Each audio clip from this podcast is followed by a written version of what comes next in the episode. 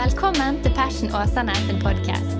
Vi har en ung og levende kirke i Åsane bydel i Bergen som ønsker å lede mennesker til lidenskapelig tro og overgivelse til Jesus, kirken og oppdraget. Takk for at du lytter til vår podkast, og vi håper du blir oppmuntret og utfordret i din etterfølgelse av Jesus.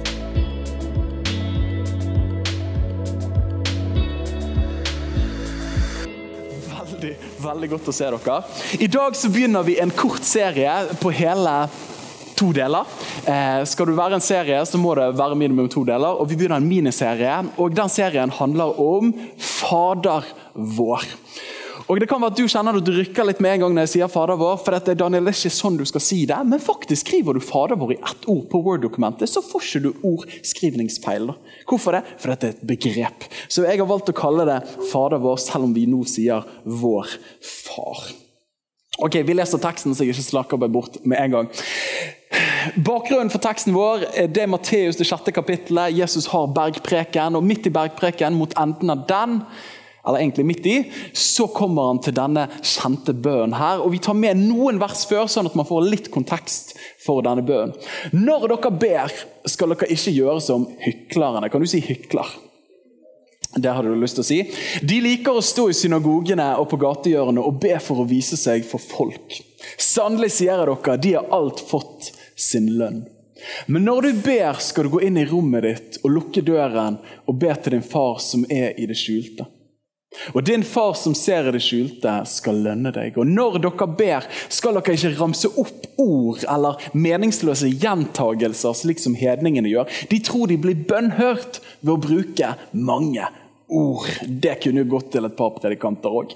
Vær ikke lik dem, sier Jesus med utropstegn, for dere har en far som vet hva dere trenger, før dere ber om det. Slik skal dere da be. Vår Far i himmelen. Du vet hva, Vi kan faktisk ta og be sammen. skal vi gjøre det. Vår Far i himmelen. La navnet ditt helliges. La riket ditt komme. La viljen din skje på jorden, slik som i himmelen. Gi oss i dag vårt daglige brød, og tilgi oss vår skyld, slik også vi tilgir våre skyldnere.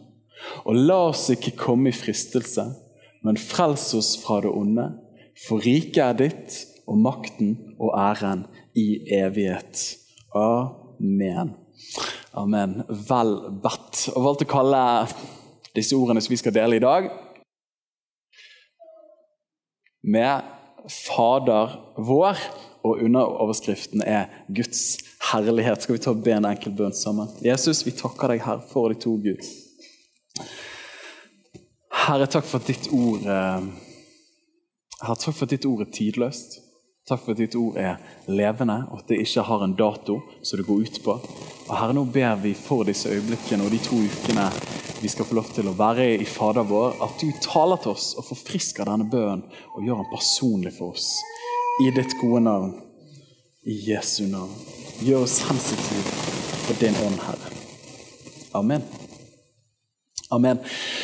Du, Jeg har gledet meg til å forkynne om Fader vår. og Grunnen helt enkelt til det er at dette er mest sannsynlig den bønnen jeg vokste opp med å lære meg utenat først. Og sikkert flere her inne som lærte den ganske tidlig, sammen med Kjære Gud, jeg har det godt. Men dette var den bønnen som jeg lærte først, og det er sikkert ikke uten grunn. For dette er jo tross alt den bønnen som Jesus lærte disiplene sine. At her i bergpreken så sier han når dere ber, skal dere da be slik. Og så kommer han med Fader vår-bønn. Og Denne bønnen her har jo fulgt kirken fra det første århundret, og ikke uten grunn, for det er jo tross alt Herrens bønn, som han også ble kalt. Det er den bønnen som vår mester lærte oss. Og eh, I Norge så har han fulgt alle generasjoner, selv om de ikke er superkristen, eller kanskje ikke kristne i det hele tatt, så har de fleste, i hvert fall opp til vår tid, lært denne bønnen her, og har han liksom noenlunde greit under huden. Og så var det han dansk-norske kongen, kong Kristian den 6.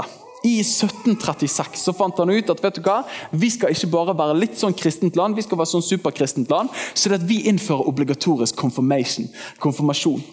Og Det høres jo litt sånn fint ut. og du bare sier, ja, men så bra, Du møttes de i kirken og hadde det sosialt og spiste boller og fikk liksom sosialt samkvem før de ble eldre. Altså, Det var litt mer alvorlig på denne tiden. her. De hadde Erik Pontoppidan sin katekisme, som om, som var 750 spørsmål som du skulle kunne svare på. Og du skulle kunne det utenat. Så dette var jo litt grann.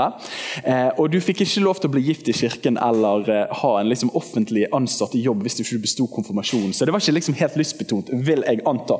Men, eh, men, uansett, de gikk gjennom Martin Luthers lille katekisme, og der er jo Fader vår veldig sentralt. Så folk har kunnet Fader vår i mange år i Norge.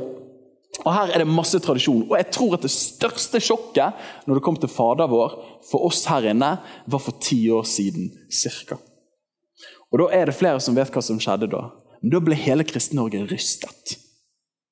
Nei, det var ikke en komet, det var ikke et liberalt inntog, men det var Bibelselskapet som var litt slemme. For de kom med en ny bibeloversettelse, og der sto det ikke 'Fader vår', men det sto 'Vår Far'. Og det er mange av oss her inne som fortsatt ikke har helt koll på den nye oversettelsen. sant? Blant annet meg. Herre, tilgi meg mine synder. Nei, hva er det vi sier? Forlat meg. Så, ikke sant? Det er vanskelig. Og så skal du prøve å ha to stykker inn i hodet samtidig. Men det som er tingen var at det frisket oss opp, da, og vi fikk anledningen til å tenke på hva er det egentlig Fader vår faktisk handlet om. da. Og eh, Dette er faktisk det spørsmålet jeg har lyst til å løfte opp. Hva er det Fader vår egentlig handler om? Hvis vi lodder forbi liksom, de innøvde frasene og formuleringene og århundrer med tradisjon, hva er det egentlig Jesus ber oss om å be? Og Det har jeg lyst til å fokusere på de neste øyeblikkene. Er dere med meg på det? Og jeg, jeg, vet hva, jeg er faktisk litt frisk i dag, men jeg tror at denne bønnen kanskje er den beste bønnen vi kan be i livet vårt. Og Nå har jeg lyst til å ta deg med på hvorfor. Første overskriften her er 'hykler og hedning'. Hykler og hedning. Når Jesus løfter opp før han gir oss bønn hvordan vi skal be, så løfter han opp to ulike kontraster til den kristnes bønnetilnærming. Og Den første han løfter opp, og Jesus han er ikke så søkervennlig og polert, og han levde ikke i en så terapeutisk tid som vi lever i i dag. Hvis du sier at folk er en hykler, så, så får ikke du mange følgere på Instagram. Men det han sa Han sier når dere ber, han sier når dere ber, skal dere ikke gjøre som hyklerne. Og Det er jo et sleivspark til fariseerne. Når dere ber, så ikke vær som hyklerne. De liker å stå i synagogene og på gatehjørnene og be for å vise seg for folk. Hva er det egentlig Jesus sier da? Jo, disse folka, de fariseerne, når de ber, så putter de på et show. da. De går på gatehjørnet og står i synagogene, og så ber de. Hva var motivasjonen deres? Jo, det var offentlig at de skulle vise seg for mennesker. Og så var det selvopptatt. Og så sier han de har allerede fått sin lønn. Og Deres dypeste motivasjon var at folk skulle se dem og tenke wow, de har flere stjerner i søndagsskolebukken enn det jeg har. De er kjempeflinke å be. Og så sier han rett etterpå ja, hva er egentlig nerven her. da? Jo, Nerven er jo at hyklerne de mangler jo hjerte i det de holder på med. Men så løfter han opp en annen kontrast og sier han, men dere skal ikke være som hedningene heller. og Det er jo et litt sånn stygt ord, men det betyr jo helt enkelt de som ikke kjente Gud. Han sier det sånn når de ber, når dere ber, så skal ikke dere ramse opp ord slik som hedningene gjør, eller min oversettelse sier meningsløse gjentagelser. For de tror de blir hørt ved å bruke mange ord. Så Hedningene de drev med meningsløse gjentagelser. Og det ordet som brukes der, er et ord som faktisk bare brukes der i Nytestamentet, og ikke finnes i tilsvarende litteratur på gresk heller. Og Da kan du tenke wow, hva ord er det? Og Det sliter faktisk oversetterne litt med å oversette.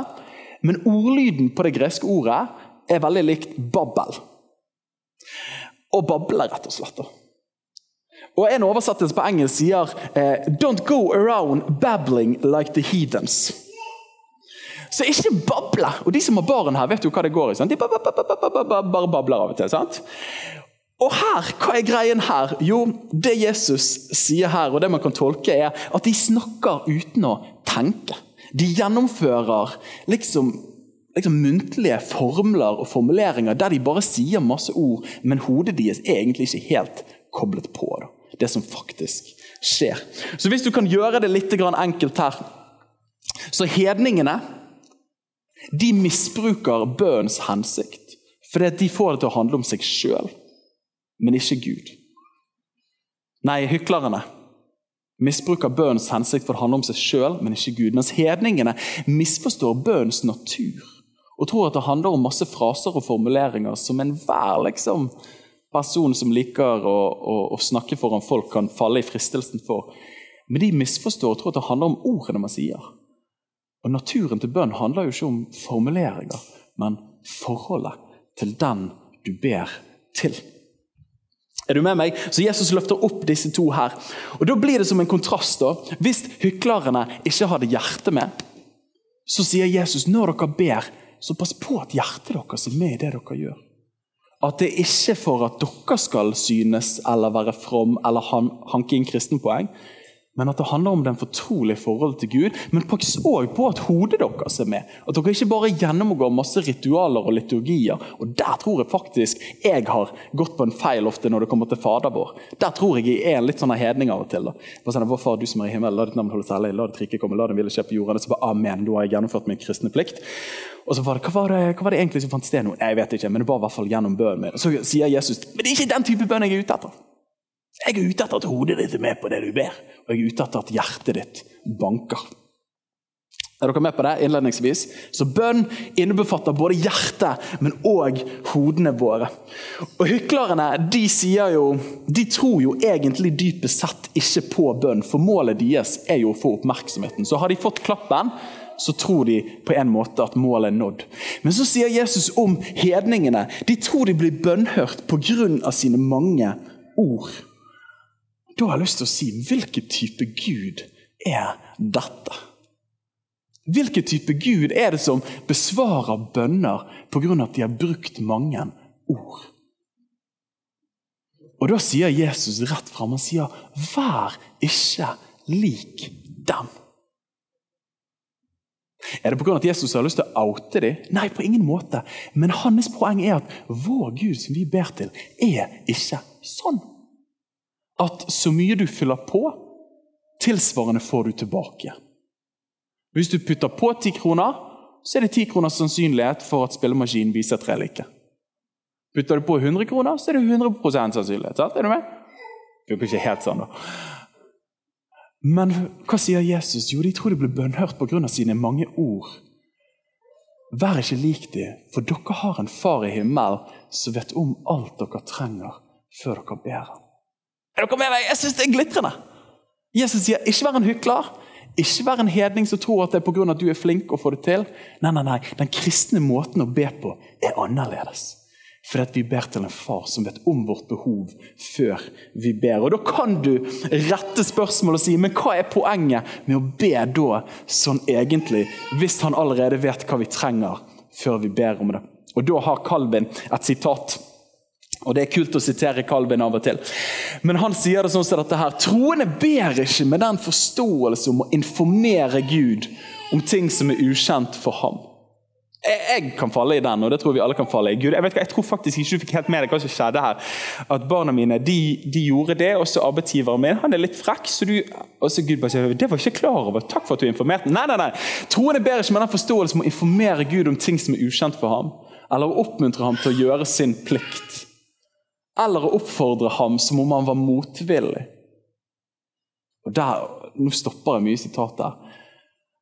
Men jeg tar meg selv ofte at når jeg ber til Gud, så er det nesten for å overbevise ham. Da har jeg lyst til å påstå, da har jeg egentlig glemt hvem jeg ber til. Tvert imot. De ber for at de kan vekke seg til å søke ham. At de kan utøve sin tro ved å meditere over løftene hans. At de kan befri seg fra bekymringene ved å helle dem i hans fang. Med ett ord så de kan bekjenne at fra ham alene håper de og forventer både for seg sjøl og for andre alle gode ting. Fantastisk. Er ikke det nydelig? Og Dypest sett er jo nerven her at bønn forandrer meg mer enn det forandrer Gud. Og at bønn åpenbarer for meg hvem Gud faktisk er. Nydelig. Fader vår, for å sprette videre, vi kommer snart til bønn. Men bønns inndeling og bruk.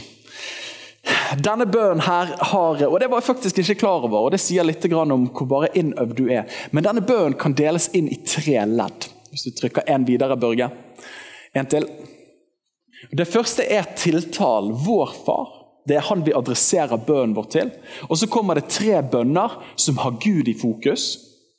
Som la ditt navn helliges, la ditt rike komme, la din vilje skje på jorden slik som i himmelen. Og så er det gi oss i dag vårt daglige brød, tilgi oss vår skyld, slik også vi tilgir våre skyldnere, og la oss ikke komme i fristelse, men frels oss fra det onde. Og så har du den avslutningen for ditt rike, makten og æren, som ikke finnes i de eldste manuskripter, men som jeg syns er en nydelig påfølging. Men ok, fokus da. De tre første bønnene har fokus på Guds herlighet, eller Guds ære. Og de tre neste har fokus på Guds kjærlighet, hans omsorg for oss, våre behov. Det første har fokus på det vertikale oppover, mens de tre neste bønene har fokus på det horisontale, behovene til oss mennesker. Nå kommer det litt undervisning her. De ti bud jeg vet ikke om du er klar over det, men de er delt inn i to tavler. de også, Der den første tavlen innbefatter vår plikt overfor Gud, mens de neste fem budene innbefatter vår plikt overfor våre medmennesker. På samme måte er denne bønnen her organisert. og Det tipper jeg du ikke har tenkt på før. Og De tre første bønnene vil jeg påstå er et motsvar til hykleren som har seg sjøl i sentrum, mens de tre første her har Gud vel i sentrum. Og i de tre siste kan du òg tenke et motsvar til hedningen, som tenker at jeg må få det til for at Gud skal høre, men tvert imot så handler de tre neste om Guds omsorg for våre behov. Er ikke det fint? Det er mer dybder til denne bønnen enn det vi fort har vært klar over. Og I Matteus sin versjon så står det, og det er det neste punktet hvis du trykker Børge, er at i Matteus sin En tilbake, min venn. I Matteus sin eh, innledning så står det 'derfor skal dere be slik'. Mens i Lukas så er Fader vår en respons på at, Jesus, på at disiplet kommer til Jesus og sier 'lær oss å be'. Og Da sier Jesus til dem når dere ber, skal dere si osv. Hva er poenget? Jeg tror at Fader vår kan brukes både som en fast formulering, vi ber han som han står, men i Lukas' sin versjon så får man mer inntrykk av at når dere ber, så ber liksom med disse fokusområdene. Med andre ord så mer et fokus du ber ut ifra. Så at Fader vår kan brukes til begge deler. og det må jeg si for min del, Når jeg har forberedt denne, her, så har jeg prøvd å inkorporere Fader vår i livet mitt. Men da be Vår Far, du som er i himmelen. Gud, tenk at du er min far. Tenk at du er min. Og så Akkurat som man, man, stopper litt på de ulike leddene og fordyper seg med Gud på de forskjellige tingene. Da. Jeg har lyst til å oppmuntre dere til det. En fantastisk bønnehjelp da, til å rette blikket i bønn. Og... Eh, ja. Og De første kristne, hvis tradisjonen skal ha det rett, så ba de Fader vår tre ganger om dagen. Ordrett. Det er litt kult å tenke på. Dette er en bønn som har fulgt Kirken i alle år. Alright, Da hopper vi til det første leddet. Vår Far i himmel. Og I dag skal vi gå gjennom de tre første leddene. Og Vi begynner med tiltalen. Hvem er det vi ber til? Hvem er det vi ber til? Og Den primære forskjellen når det kommer til kristenbønn og alle andre typer bønn og alle andre religioner, handler jo om hvilken Gud er det vi ber til. Og Her begynner vi med vår far. Og Det første jeg har lyst til å løfte opp som stikkord her, er personlig. Sånn at I noen anskuelser av Gud så er Gud en objektiv størrelse. Eller hvis du tror på en litt sånn panteisme, Gud er overalt. og det som er litt sånn inno for tiden. Jeg klarer liksom ikke å sette et ord på Gud, men Gud er liksom alt. Han er i meg, han er i deg, han er liksom overalt. Halleluja. Sånn? Og Gud blir en sånn overpersonlig, mystisk, mytisk størrelse som vi ikke kan helt tilnærme oss til. Men Bibelen sier nei, sånn er han ikke. Gud har personlighet. Gud er personlig. Derfor kan vi be vår far. På samme måte som du er, så er jeg. På samme måte som jeg er, så er han. Jeg synes Salmene sier det så bra. Der sier salmisten ved flere anledninger at Gud, du som skapte øret, skulle ikke du høre? Gud, du som skapte øyne, skulle ikke du se? Hva er poenget? Jo, hvis vi har personlighet, så har jo definitivt Gud personlighet. Og Hva gjør dette med vår bønn? Jo, det gjør jo med vår bønn at vi kan få lov til å komme personlig til en Gud. Ikke til en spilleautomat i en kosmisk eh, transcendent realitet. Så vi putter bønner på, og så får vi heldigvis kanskje noen velsignelser tilbake. Nei, vi kommer til en personlig Gud. Videre vår far. Jeg tenker Av alle substantiv for å beskrive Gud Av alle ord man kunne valgt og roller, så velger Bibelen primært å åpenbare Gud som en pappa, eller som en far. Og det er, altså Her er jo det endeløse med dybder man kunne loddet i. Men en far er både forhåpentligvis noe av det nærmeste et barn, men òg noe av det som signaliserer mest trygghet av alt.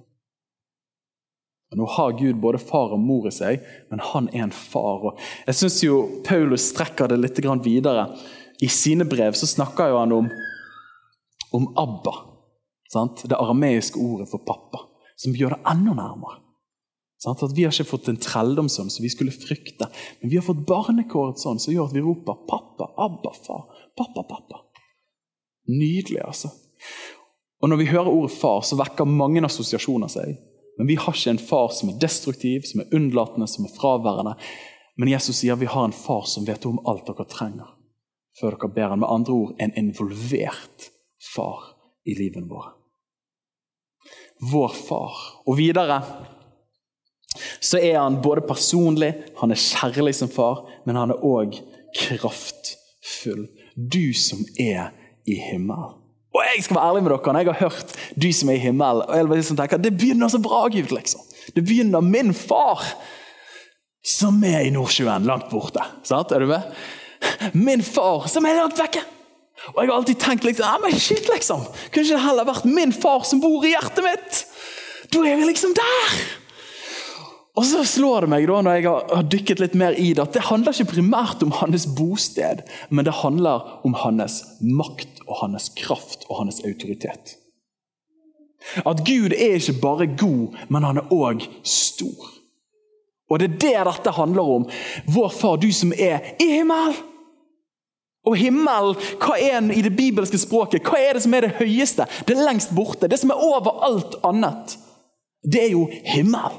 Du som troner i himmelen, leser vi om. sant? Hva er greien? Jo, du er vår far som er helt nær. Men du er òg den Gud som er helt der borte og styrer alt. Det er jo kjempeoppmuntrende. Tenk på hvilken person, ja, hvilken Gud vi henvender oss til i bønnen. Vår tiltale er til en personlig Gud, til en kjærlig Gud, men ikke minst òg en kraftfull Gud. Og Vi alle kjenner snille mennesker som er så varm og terapeutisk og kan gi deg så mye kjærlighet F.eks. gjerne en, en, en, bestemor som er fantastisk. Men kommer de slemme gutter fra skolen som har store muskler og har tatt sprøyter av muskler, så de får enda større muskler og skal ta deg, så kan bestemor være så glad i deg som hun bare måtte ønske. Men hun kan liksom ikke stille seg foran deg og bare si dere rører ikke han. liksom.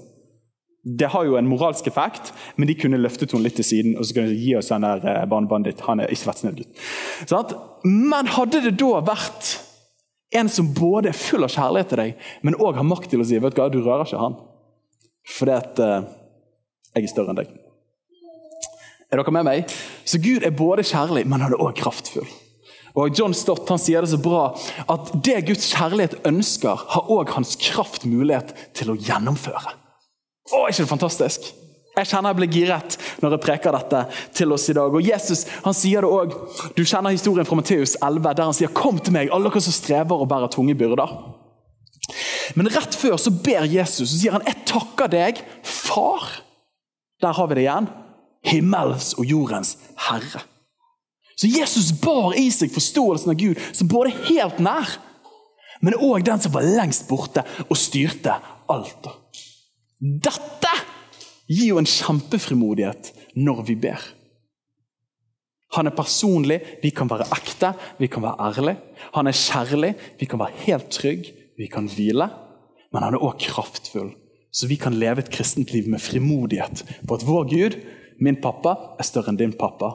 Men òg en gudsfrykt, en ydmykhet. Han er faktisk en mektig og en hellig Gud.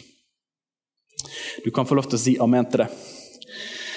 Vi hopper videre, og det neste leddet her er 'la navnet ditt helliges'. La navnet ditt helliges. Jeg kan ikke gresk, men jeg liker å tro at jeg kan litt gresk. Men i grunnteksten, Fader vår, så står det hold deg fast, Dette var sånn de lærte oss i norsktimen som vi ikke forsto. Men alt står i imperativ i tredjeperson. Og Noen bare tenkte gi meg gaven til å tyde. Det skal jeg hjelpe deg med nå. Da står det da i bydeform 'Ditt navn helliges'. Ditt navn helliges. Så blir det sånn vanskelig å oversette. Så på norsk så må vi ha med en konjunktiv, en ønskeform. Eller så må vi ha et hjelpeverb som f.eks.: La ditt navn helliges. Kjapp norsktime. Det går fint hvis ikke du tok den. Det gjør at det kan være litt vanskelig å forstå når vi ber Fader vår. Er det Gud som er det handleobjektet? Er det Gud som skal helliggjøre sitt navn? Eller er det vi som skal la ditt navn holdes hellig? Er dere med meg på den? Det er litt vanskelig å tolke det. Mest sannsynlig så er det jeg vil si at det er noe av begge deler. Men jeg har lyst til å si at den primære, han som gjør greiene når vi ber, er Gud. Så vi ber først av alt Gud, helliggjør ditt navn over jorden. Helliggjør ditt navn. Så det har nå kommer litt teknisk, men det har både en, liksom en eskatologisk funksjon av at Gud skal gjøre det i endetiden, og at han holder på å gjøre noe, men så har det òg en etisk funksjon med at vi gjennom våre liv skal være med og helliggjøre Guds navn. Tok du den? Så det er liksom Både Gud helliggjør sitt navn, men vi òg er kalt til å være med og, og helliggjøre hans navn. Og når vi sier 'hellige, la ditt navn helliges', så er jo ikke liksom de tre bokstavene GUD som er liksom Gud, de tre bokstavene må bare skille seg ut fra alfabetet. Bare, bare son de ut, Herre. Sånn at disse bokstavene skriver vi alltid i blokkbokstaver for å vise deg ære. Liksom. Ikke, det er ikke helt det som er poenget. Hvis noen sier f.eks.: Maria, har, hun har et godt navn. Så er jo ikke folk bare ja, vet du hva, Maria, det navnet er mye finere enn andre navn. Det er jo ikke det som er poenget. Poenget er at når vi sier noen har et godt navn, så handler det om at de har en karakter og en væremåte som det står respekt av. Og som det står ære ved.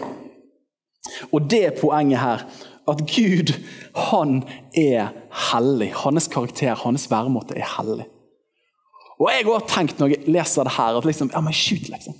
Hviler det på mine skuldre at Gud er hellig? Så jeg har lyst til å si nei, Gud er jo hellig. Det er ikke sånn Gud er truet. Hvis vi gjør dumme ting, så er det ikke bare nei, nei, nei, nå forsvinner min hellighet. Nei, langt derifra. Han er jo hellig. Men, men vi ber om at Gud måtte vi få se at du er hellig.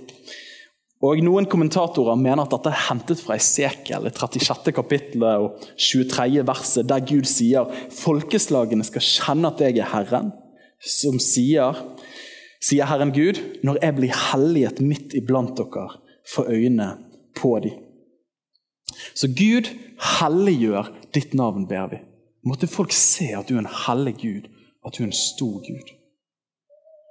Med 1978-oversettelsen tar med dette hjelpeverbet som sier 'la ditt navn holdes hellig'. Og Da rettes det mer mot oss. Og jeg tror at det er jeg tror at det er like mye en utfordring til oss òg. Lever vi på en sånn måte personlig i våre liv? Lever vi på en måte at Guds navn helliges? Og Før sommeren så hadde vi noen taler om gudsfrykt. Kjenner dette utfordrer meg veldig. Men i mine prioriteringer, i mine valg, rådfører jeg meg med Bibelen. Lar jeg det Bibelen sier, informere mine valg i møte med mine penger? Helliger jeg Guds navn med måten jeg forvalter mine penger på? I måten jeg relaterer til menneskene i min verden, til storfamilien, til nære venner, til naboen? Blir Guds navn helliget der? Altså, da begynner det å bli utfordrende. disse tingene. Da er ikke det så gøy lenger. Og Jeg har faktisk en liten ting jeg har lyst til. Nå høres jeg gammeldags ut, men er dere klar for det? I de ti bud som du finner andre Mosebok i det rundt 20. kapittelet, det 20. kapittelet, så den første budet er du skal ikke ha andre guder enn meg. Men så er vel bud nummer to du skal ikke misbruke Herren din Guds navn.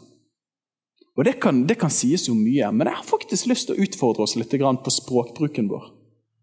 At ordene vi sier, kan være med å hellige Gud eller å ikke hellige han. Og Jeg vokste jo opp med du skal ikke si 'Herregud', du skal ikke si 'Jesus'. Liksom, altså En ting er når du ber. Veldig gjerne si Du ikke lov til å si Jesus Nei, sant? Veldig gjerne si Jesus, si 'Herregud'. Og i de opphetende situasjonene så kan man komme og en bil kutter deg av, og så bare 'Å, men Gud', liksom. Og vi vet at det er ikke årens frukt som er på gang der, og du er bare i en dyp forbundssituasjon akkurat der. Nei, vet du hva? Jeg har lyst til å være litt sånn gammel og si at vet du hva? Jeg tror at ikke la oss misbruke Herrens navn.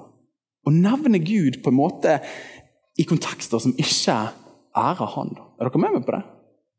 For han er en hellig Gud. Han er en stor Gud. Så la oss rydde de tingene bort fra vokabularet vårt. I kirken helliger vi Gud med måten vi oppfører oss på hverandre, ved at vi tilber Han. Tenker òg på i lovsang. Hvordan er vår positur? Hvordan er vår hengivenhet? Er han en hellig Gud når vi tilber? Og ikke minst òg i verden representerer vi Jesus på en god måte. Og Dette er kanskje den største utfordringen når det kommer til å misbruke Guds navn. Men at vi tar på logoen av å være kristen, og så oppfører vi oss på en måte som Jesus tenker det der ville ikke jeg gjort. Sant? What would Jesus do?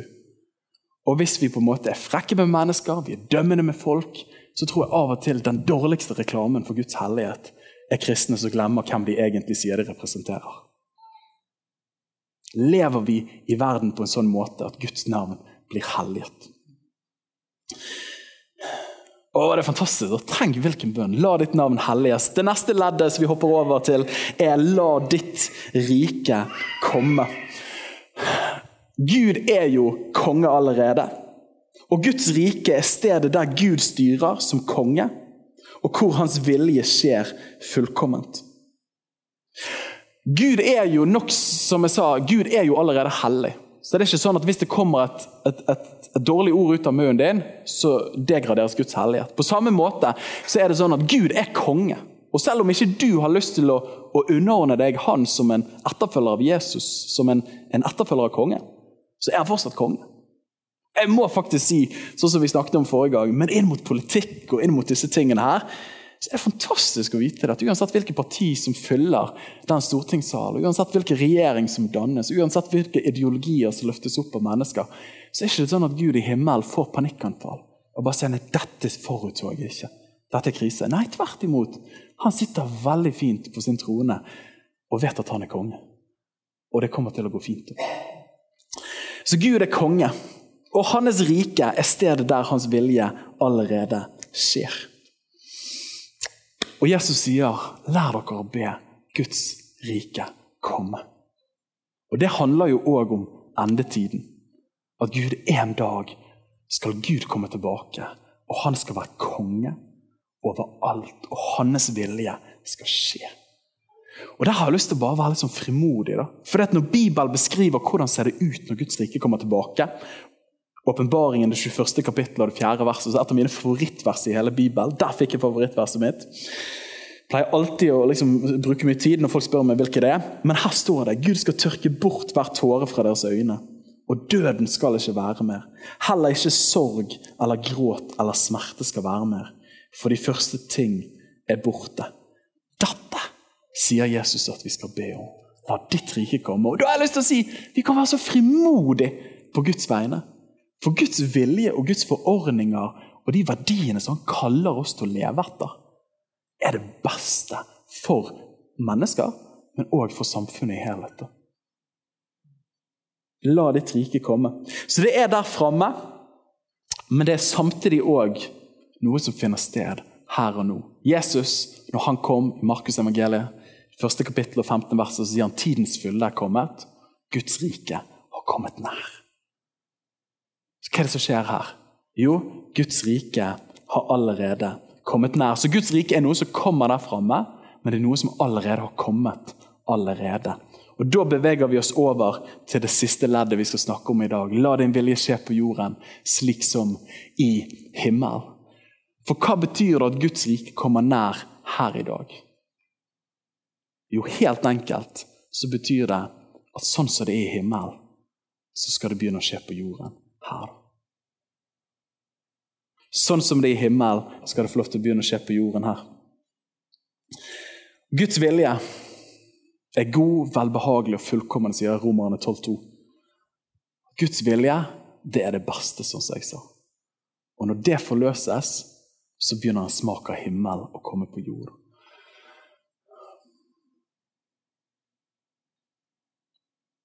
La din vilje skje på jorden, slik som i himmelen. For meg har det blitt en litt sånn her prøvetest. Er, hvordan finne ut av Guds vilje? Det, er ikke, det er ikke rent sjeldent. Jeg har vært i situasjoner der folk kommer til meg og sier du, jeg trenger å få vite hva er Guds vilje i denne situasjonen. Kan du be med meg? Kan du hjelpe meg å tenke? Og Noen tilfeller kan det være litt vanskelig. Er det hun eller er det hun jeg skal prøve å gifte meg med? Sant? Det er litt vanskelig å vite. Eh, hvem er det som liker deg? Det er et godt sted å begynne der. Det er hun ene hun har allerede kjæreste. Ja, men det var veldig bra, sant? Da er det hun andre. Eh, men, men, for meg har det blitt en sånn lakmustest. Ok, F.eks. mennesker kommer og og spør om kan du be for meg. Jeg er syk i kroppen min. At Det er et godt eksempel som har vært mye ute for. Og så kan de si ja, kan du be om at Guds vilje skjer. Og Jeg er faktisk litt enkel på det området. der. For jeg tenker at Når Jesus sier 'la ditt rike komme, la din vilje skje på jorden slik som i himmelen', så gir han oss et innblikk i hva hans ønske er for det som skjer på jorden. Så hva er hans ønske? Hans ønske er jo at det som er i himmelen, skal komme her. Og sånn som vi leste om i Åpenbaringen 21,4, så står det at det skal ikke lenger være tårer, det skal ikke lenger være smerte, det skal ikke lenger være nød. Så da kan jeg vite i den situasjonen og be med frimodighet og si at Herre, la himmelen komme her, for du ønsker ikke sykdom. Du ønsker ikke smerte. Du ønsker at legedom skal finne sted. Og så kan vi be med frimodighet. Og det er ikke alltid det skjer. Og Det er en egen tale. Vi lever mellom tidene. Riket har allerede kommet, og det vil komme en gang som Jesus ber oss om å be om. Men jeg kan be med frimodighet om å la himmelen komme.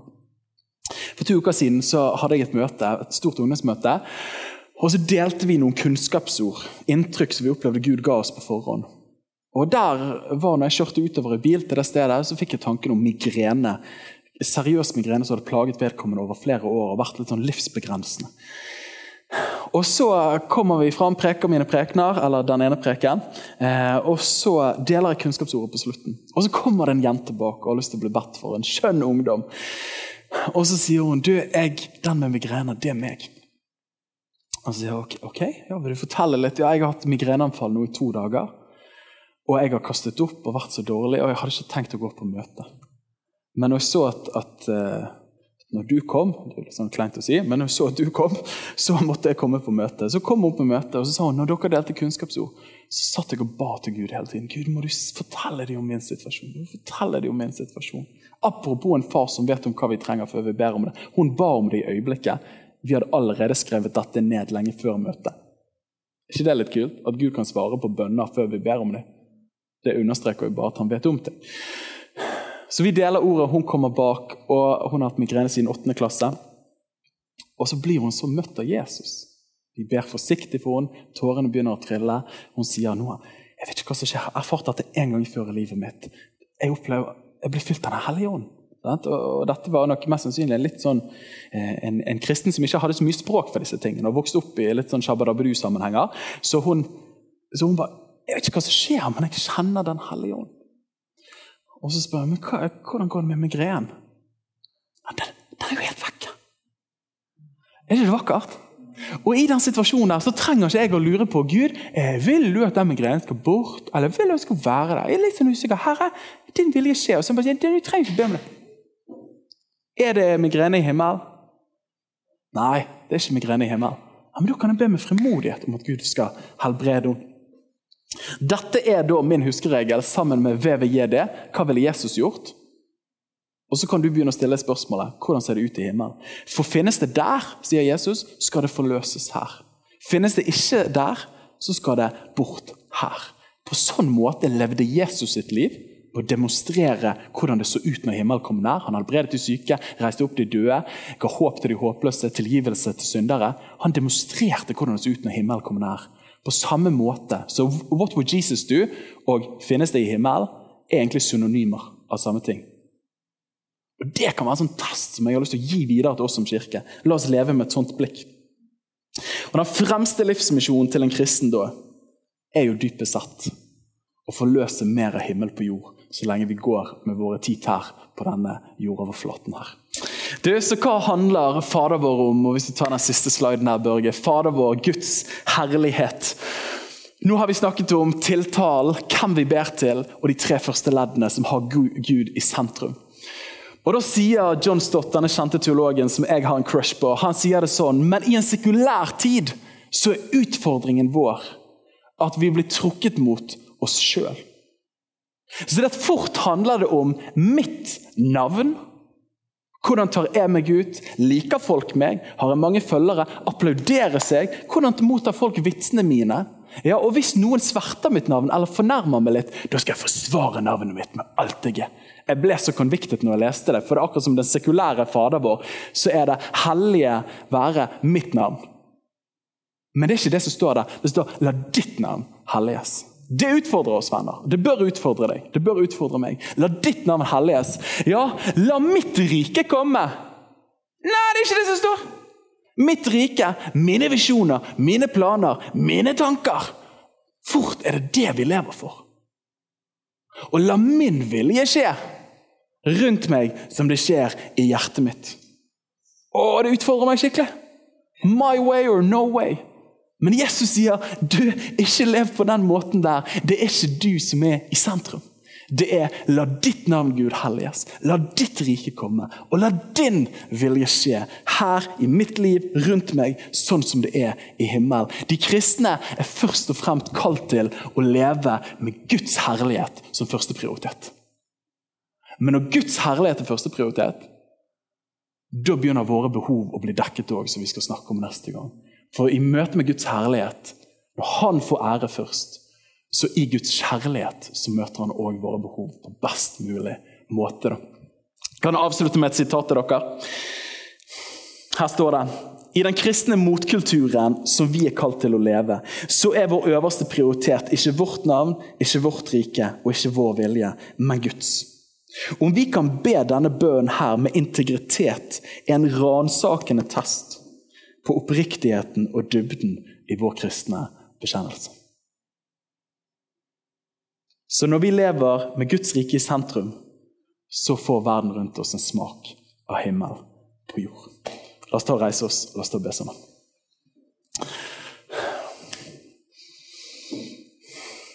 Herre, vi takker deg, Gud, for at uh, din herlighet er den første delen i denne bønnen her. Og jeg takker deg for at den vi ber til, er en personlig, en kjærlighetsfull og en kraftfull far. Og Jeg ber deg Gud om at Fader vår skal få lov til å tenne våre hjerter på ny. At vi ikke skal henge fast i noen tradisjonelle formuleringer, men at vi skal kjenne at denne bønnen blir personlig for oss, og han blir noe vi kan få lov til å be ordrett, men òg rette vårt fokus ut ifra disse ulike perspektivene. I ditt mektige navn. Og Kanskje vi sammen til slutt, kanskje vi bare nok en gang be Fader vår sammen. Da ber vi han. Vår Far, du som er i himmelen. La navnet ditt helliges. La riket ditt komme. La viljen din skje på jorden slik som i himmelen. Gi oss i dag vårt daglige brød, og tilgi oss vår skyld, slik også vi tilgir våre skyldnere. Og la oss ikke komme i fristelse, men frels oss fra det onde. For riket ditt, og makten og æren i evighet. Amen. Amen. Takk for at du lyttet til vår podkast. Hvis du synes det var bra, så del den gjerne med noen flere. Vil du vite mer om hvem vi er, hva som skjer, og kanskje besøke en av våre gudstjenester, se vår nye hjemmeside på passionåsane.no, eller følg oss på sosiale medier. Helt til slutt, ta imot Herrens velsignelse. Herren velsigne deg og bevare deg. Herren la sitt ansikt lyse over deg og være deg nådig. Herren løfte sitt åsyn på deg og gi